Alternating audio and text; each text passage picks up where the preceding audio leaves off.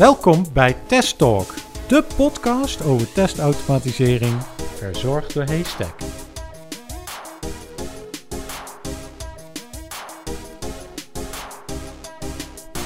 Vandaag aflevering 10, CI/CD. Goedendag, welkom weer bij een volgende podcast. Uh, we gaan het vandaag hebben over CI/CD en ik zit hier samen met uh, Arend. Goedemiddag. Gerrit. Hoi. En Iwan. Hallo. En uh, ja, ik ben zelf Erik en we gaan het uh, met z'n allen even hebben over CI/CD. En wat, ja, wat ik me als eerste afvraag als ik het over CI/CD heb, is waar staat CI/CD uh, nou eigenlijk voor? Iwan. Um, ja, als je gewoon kijkt naar, naar, de, naar de echte afkorting, is het Continuous Integration, Continuous, ja, en dan wordt het lastig. Uh, deployment of delivery kan eigenlijk allebei. Oké. Okay. En, en uh, wat houdt dat dan precies in? Wat doen, wat doen we tijdens zo'n uh, CI-CD, uh, CD, Arend? nee, als we het CI-CD hebben, dan... ja, het is denk ik handig om, om gelijk, gelijk, gelijk te beginnen met net even over pipelines ook te hebben. pipeline is uh, mij betreft een uh, belangrijk middel om uh, CI/CD te kunnen doen. Ehm, en waar het eigenlijk op neerkomt, is een pipeline is eigenlijk een instrument wat automatische stappen achter elkaar zet.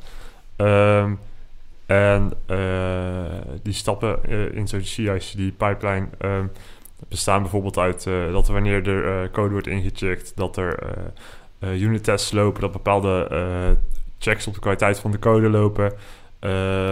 waarna er een beeld wordt gemaakt, die wordt bijvoorbeeld gedeployed naar een bepaalde omgeving. Er worden nog meer testen gedaan. Uiteindelijk kan het gereleased worden. Um, en nou zal ik vast een aantal stappen vergeten zijn. Maar het concept is uh, dat je dit dus continu kan doen. Uh, en dat dat dus uh, het grootste gedeelte van het proces, of het hele proces, dus ook automatisch verloopt. Um, waarbij je, wat mij betreft, een onderscheid kan maken in CI/CD-oplossingen waarbij je eh, zelfs automatisch naar productie gaat. Hè. Gaat vaak om kleine wijzigingen, wordt er bijvoorbeeld ieder uur wel ge, ge, ge, gedeployed of delivered naar productie. Um, en um, nou ja, pipelines die bijvoorbeeld gaan tot een testomgeving, tot een acceptatieomgeving, waarna er nog, uh, waar dus wel deployment plaatsvindt, maar op een test- of acceptatieomgeving en waarna er bijvoorbeeld nog bepaalde handmatige acties nodig zijn of waar er nog bepaalde quality gates uh, doorlopen moeten worden. Um, maar ja, goed, dat is een beetje het concept eigenlijk. Oké. Ja, en, en, en, testen komt ook heel veel voor in uh, CI/CD, wat ik begrijp. Um, zit, zit, dat dan allemaal in, uh, in één stap in zo'n uh, CI/CD, Gerrit? Of is dat anders? Hoe, hoe, worden die testen veelal geïntegreerd in zo'n CI/CD-pipeline? Uh, over het algemeen wat in eerste instantie als, als, er iets nieuws wordt gebouwd, het alsnog handmatig getest, waarbij er tegelijkertijd uh, de geautomatiseerde tests worden gemaakt. Uh, je hebt verschillende uh, vormen van testen natuurlijk. niet alle testen kunnen misschien in een pipeline gebeuren, zoals bijvoorbeeld performance testen. Ik zie jou een beetje knikken, Iwan. Ja, nou ja, ja, volgens mij kunnen performance testen prima in een pipeline. Um, wat je met CSCD doet, um, wat, wat Arend net ook al aangaf, je hebt brokjes in het um, ontwikkel- en deployment proces. Ja, misschien is het toch goed om eventjes een stapje terug te doen en eens even te kijken naar wat zijn dat dan precies voor een blokjes. Hè? En dan komen we misschien vanzelf bij het, uh, bij het testen ook. Ja, nou, je hebt natuurlijk de ontwikkelaar die doet zijn, zijn ding en die levert op de duur de code eigenlijk op. Um, en dat is vaak de start van de CI/CD-pijplijn eigenlijk. Okay. Je gaat de code uitchecken. Um, en dan kan je eerste test eigenlijk al gaan draaien, je, je unit tests. Oké. Okay, ja. En als die goed zijn, dan ga je door naar het volgende stationnetje. Eigenlijk het is eigenlijk een treintje wat, wat gaat ja. lopen of gaat rijden. Ga je door naar het volgende sta stationnetje. Dan kan je bijvoorbeeld de code compilen en dan kan je eerst de um, integratietest gaan, gaan draaien. Je, je test over API of REST calls of SOAP of whatever. Mag ik iets aanvullen? Want ik denk dat het belangrijk is om te zeggen dat Ehm, kijk, wanneer een ontwikkelaar code ontwikkelt, is het belangrijk dat hij daar ook zijn unit-testen bij ontwikkelt. Dus op het moment dat hij eh, zijn code gaat inchecken, dat dan de unit-testen ook draaien, al voor, eh, voordat die beeld gemaakt wordt. En Ja. dat is eigenlijk de eerste stap. Ja. Dus Ja. de eerste stap is code ontwikkelen en gelijk unit testen. En als tester kun je ook daar een rol in spelen om te kijken of aan die voorwaarden steeds wat voldaan bij het ontwikkelen van code. Dus eh, continu scherp zijn op, eh, op kwaliteit en of aan alle voorwaarden van de pipeline ook wat voldaan. Ja, ja dus dan, dan heb je het stukje API-testen, gaf je aan, hè? Ja, ja, ja en ehm, daarna kan je dus doorgaan van dan, dan, dan kan je je, ehm, je je pakketje wat je hebt eh, gebouwd, kan je ehm, op een testomgeving zetten en dan kan je weer andere tests gaan draaien. Ehm, het- ja, het hangt een beetje van je proces af, van, ja, van je ontwikkelproces, hoe dat de hele teststraat er eigenlijk uit gaat zien. Oké. Maar ja, je kan het eigenlijk zien, het zijn kleine brokjes die je achter elkaar uitvoert, afhankelijk of het vorige blokje goed is gegaan. Is dat dan ook gerelateerd aan, eh, zeg maar, je, de, de verschillende testlevels die je hebt, eh Arend, in, in, je, in je teststrategie? Eh, nou, ja, dat zou ik wel, wel willen zeggen als je kijkt naar de testpyramide. Nou, we hebben natuurlijk net de unit-test besproken eh, en integratie, integ- integratietests. Ehm, die je dan vaak op een testomgeving doet waar dus inderdaad code gebeeld en gedeployed naar die omgeving is. Eh, en een volgende stap zou bijvoorbeeld kunnen zijn om, eh, dat kan op dezelfde omgeving of kan op een volgende omgeving, eh, om ook systeemtests te gaan doen. Ehm, maar je zou ook performance testen kunnen doen. Daarvoor zou het wellicht weer logisch zijn om de software eerst, ehm, nadat die functioneel werkt, te deployen naar een volgende omgeving, bijvoorbeeld een acceptatieomgeving, en daar die tests automatisch te draaien. Ja, Dus in die zin zit het ook wel, het, je doet het stapsgewijs, Ehm, zoals je dat ook doet wanneer je eh, het niet in een pipeline zou hebben hangen. oké. Ja, ik hoor wel eens, eh, ik praat wel eens met mensen en dan eh, als ze het over CI/CD-pipeline hebben, dan zeggen ze altijd, ja, CI/CD-pipeline, dan moet je alle testen geautomatiseerd hebben. Is dat, is dat ook jouw idee, eh, Gerrit? Ik denk dat je zoveel mogelijk testen moet automatiseren. Zeker de testen waarbij dat mogelijk is. Dat is nou eenmaal niet altijd mogelijk. Je, dus eh, volledig automatiseren blijft vaak niet, zal niet altijd mogelijk zijn. Zeker ook als er losse componenten zijn of eh, die interactie met elkaar hebben, waardoor je met tijdsproblematiek komt te zitten. Eh, zulke dingen zullen toch handmatig worden, moeten worden gedaan. Maar ik denk dat je wel moet streven om met beperkt of met, een- met, een reële, met een reële inspanning zoveel mogelijk te automatiseren, zodat je jezelf zoveel mogelijk werk ontneemt en ja, één keer iets eh, geautomatiseerd, dat, dat blijft, die wens blijf je natuurlijk terughalen. Ja, En ik, ik denk dat het ook heel moeilijk is om eh, voor nieuwe, nieuw ontwikkelde software testen op integratie of systeemniveau al te hebben voordat de software wordt opgeleverd. En daarmee hou je dus altijd nog een soort van handmatige eh, actie. Ehm, maar dit is, dit is natuurlijk ook afhankelijk van hoe groot je release is. Zoals ik al aangaf, eh, er zijn ook eh, organisaties die doen heel veel ehm, software release per, per dag. Bij wijze van spreken ieder uur iets. Dan zijn de wijzigingen zo klein. eh, als de unittesten goed zijn, dan is de kans dat er iets eh, verderop in het proces eh, kapot gaat dusdanig klein dat ze ook heel makkelijk weer terug kunnen rollen. Ehm, maar daar zeg je wat. Is dat inderdaad ook dan belangrijk om, als je een pipeline hebt binnen je organisatie, dat je je ehm, ja, deliverables klein houdt? Eh, lastige vraag. Ik denk dat dit ook afhankelijk is van het type organisatie. Ehm, als je, als je inderdaad, als, stel je wil inderdaad eh, dagelijks of ieder uur opleveren, dan is dat wel belangrijk. Want anders ga je niet eh, de kans hebben om je testen bij te werken, bijvoorbeeld. En hoe groter die wijziging is, hoe groter het risico natuurlijk ook wordt van een bepaalde release. Dus daar komen ook bepaalde. Eh, nou op basis daarvan ga je natuurlijk ook je test eh, definiëren.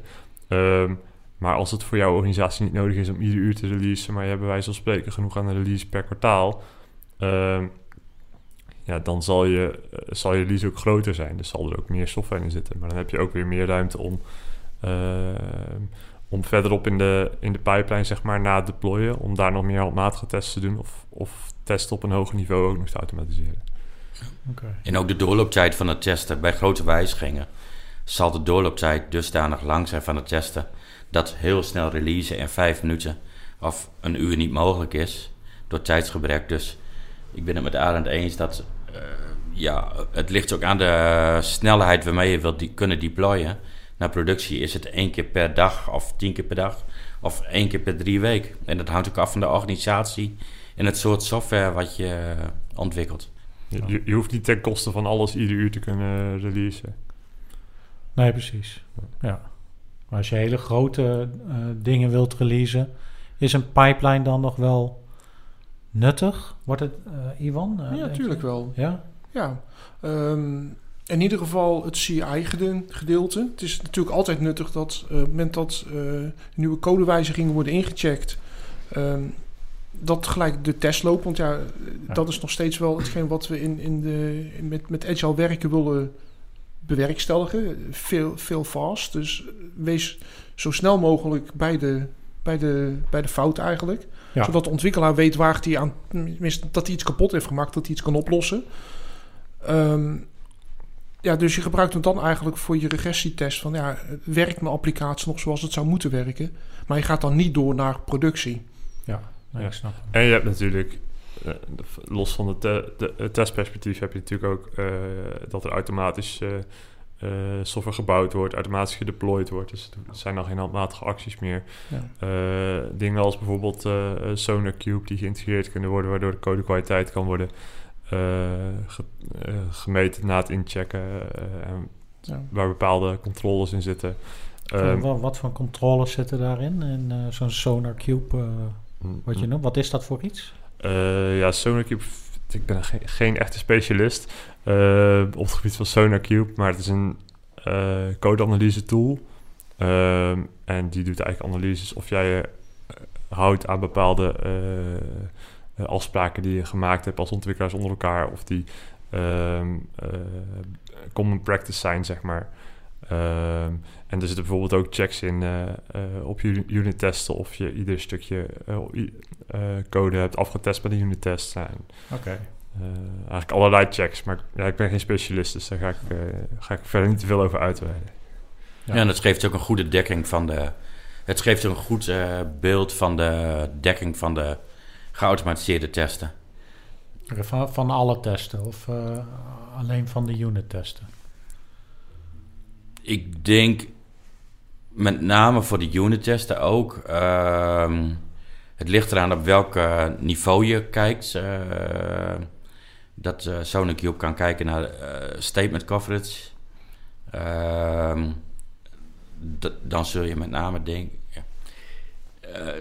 dan denk je met name aan unit testen. ehm, voor de verdere testen, voor de regressietesten, of daar ook eh, bij gebruikt wordt. Dat zou ik zo even niet kunnen zeggen. En dan hoor ik ook nog wel eens eh, dingen als eh, continuous eh, testing of CT. Wat is dat eh, eigenlijk precies, eh Iwan? Ehm, ja, Heeft voor, dat hiermee te maken? Ja. ja, continuous testing betekent eigenlijk dat je ehm, ja, continu test. Eh, dus dat je continu checkt van, eh, doet mijn applicatie nog wat hij zou moeten doen? Dus ehm, en dat past eigenlijk, dat, ja, dat, dat past eigenlijk prima in, in, in, in, in zo'n pipeline eigenlijk. Daarmee check je eigenlijk op alle levels, waar je het net ook al over had.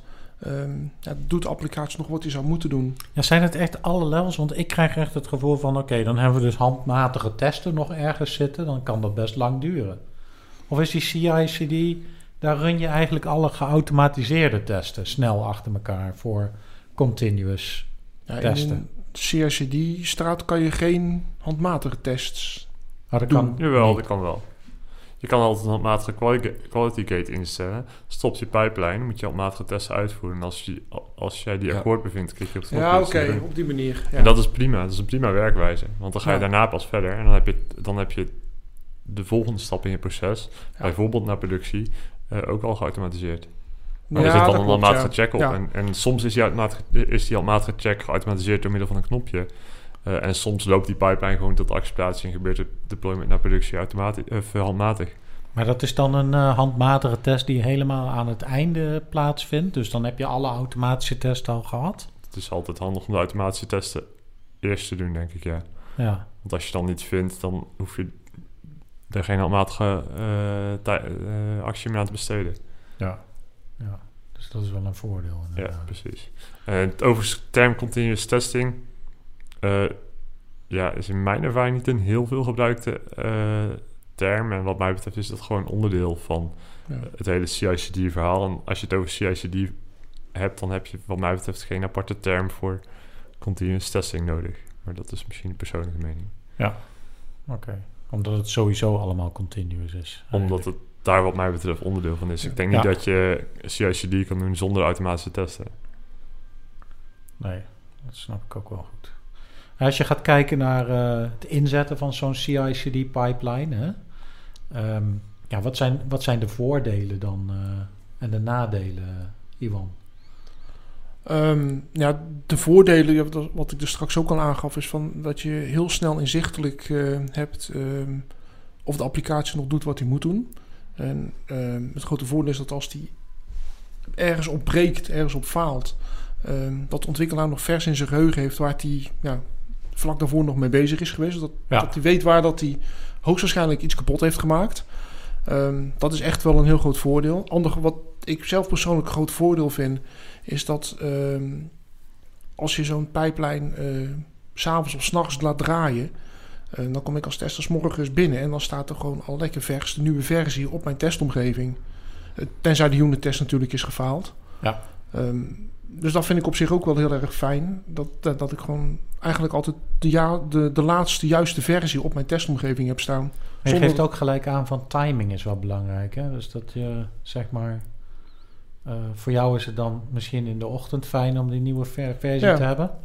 Maar is dat voor developers dan ook belangrijk om eh, eh, de timing, dat, het, dat ze snel terugkoppeling krijgen over dingen die ze leveren misschien? Is dat Ja, dan een voordeel? Dat is juist heel fijn dat ze in Ja. ieder geval weten van hey, het is allemaal goed gegaan of nou, ik heb- er zit toch nog ergens een foutje in.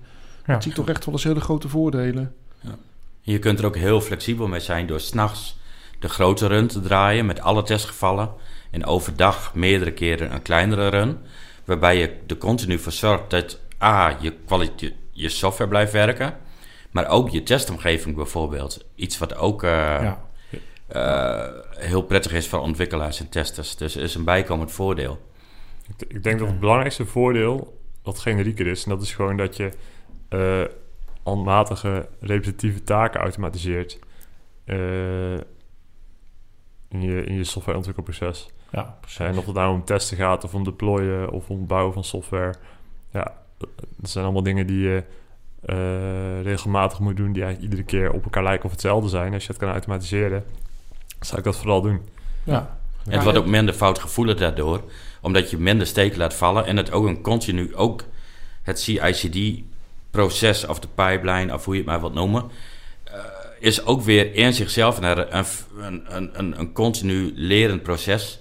Door, als je erachter komt dat er toch nog fouten in de software zitten, wat eh, het CICD-proces aangepast, waardoor uiteindelijk ja, het steeds beter wordt. En ja, dingen vergeten behoort eh, in principe tot het verleden, wat als je het handmatig doet. Ja. Ja. ja, en dat het volgende blokje pas wordt uitgevoerd als het vorige goed is gegaan. Dat, dat is ook wel eh, heel erg handig. En Zijn er ook nadelen aan een eh, pipeline? Of is het allemaal eh, super positief? Eh, nee, ik denk niet dat er echt nadelen zijn. Het Oké. enige is, het kost wat eh, effort en energie, medewerking van, eh, vanuit ja, van het hele team eigenlijk. eh, om, Ja, want wie- eh, om wie- het wie- te krijgen. Ja, wie doet dat dan eigenlijk? Wie doet die onder, dat onderhoud van zo'n pipeline? Of wie zet dat eh, überhaupt op? Eh, zijn dat de, de testers, Iwan, die, die de verantwoordelijkheid hebben voor die pipeline? Ehm, ik vind dat, ik vind, en dat is mijn persoonlijke mening, ik vind dat je daar als team voor verantwoordelijk bent. Niet dat je dat bij één persoon moet leggen van jij bent tester, jij bent daarvoor verantwoordelijk. Of jij bent developer, jij, jij bent daarvoor verantwoordelijk. Krijg je dan niet dat eh, iedereen dingen in die pipeline zit te wijzigen en eh, het, eh, het heel onstabiel wordt? Moet daar niet iets van een controle op zijn dan? Moet toch iemand uiteindelijk zeggen, ja, dit kunnen we in de pipeline opnemen en dat doen we dan? Ik denk dat er uiteindelijk wel een eindverantwoordelijke is. Maar dat er inderdaad meerdere mensen bezig zijn met de pipeline. Het ligt ook, of met de, ja, het ligt ook aan uh, welk aspect het omgaat. Uh, in sommige gevallen zal het testen beter iets kunnen oppakken. In andere gevallen is het meer een developer of een DevOps uh, engineer die aanpassingen doet. ik denk wel dat er, zoals je aangeeft, één eindverantwoordelijke moet zijn over het geheel. Maar wel dat je met z'n allen ook de verantwoordelijkheid draagt. Wat natuurlijk in Agile heel gangbaar is.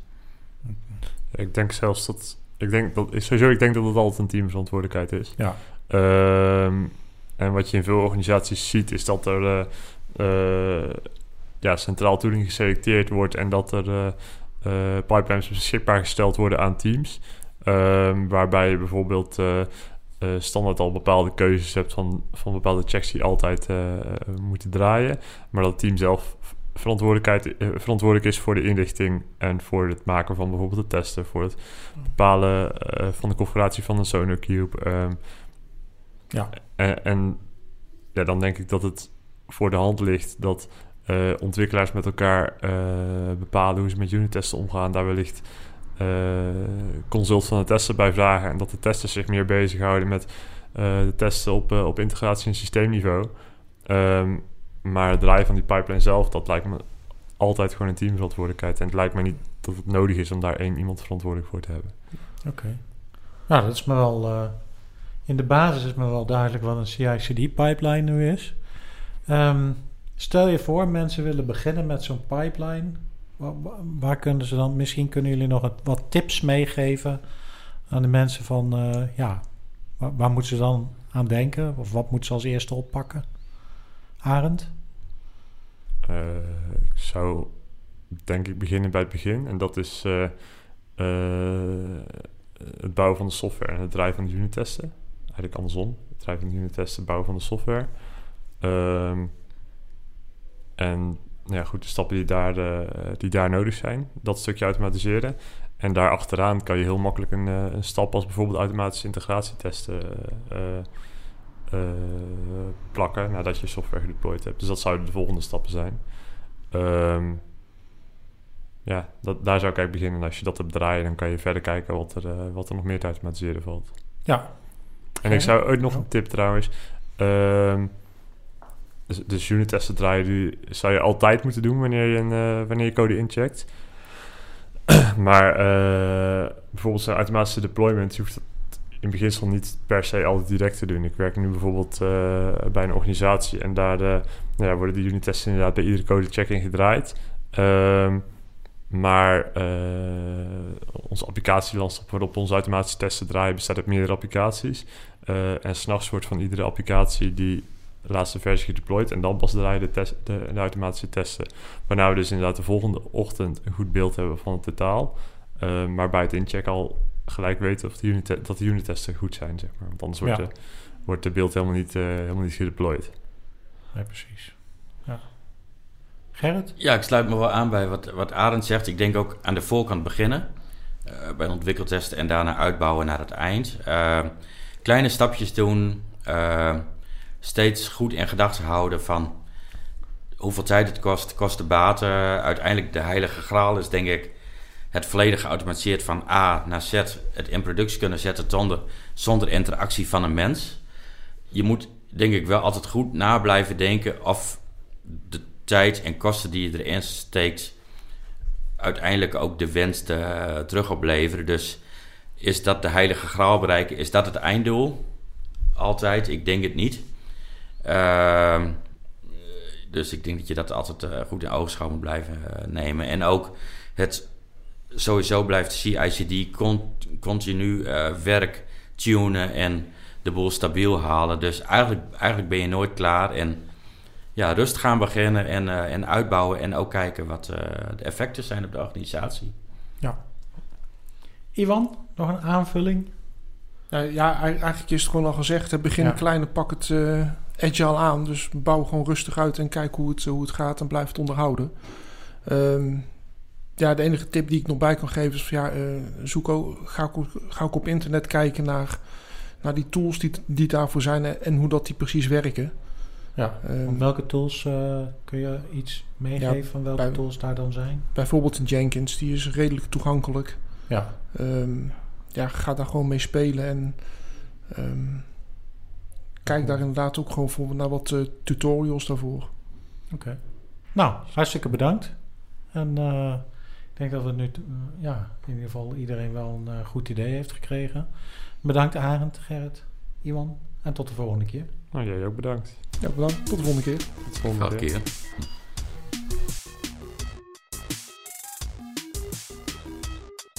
Bedankt voor het luisteren naar Test Talk, de podcast over testautomatisering, verzorgd door Haystack. Tot de volgende keer. Als je het leuk vindt om met ons verder te praten over ons vakgebied, neem dan gerust contact met ons op via testtalk.haystack.nl.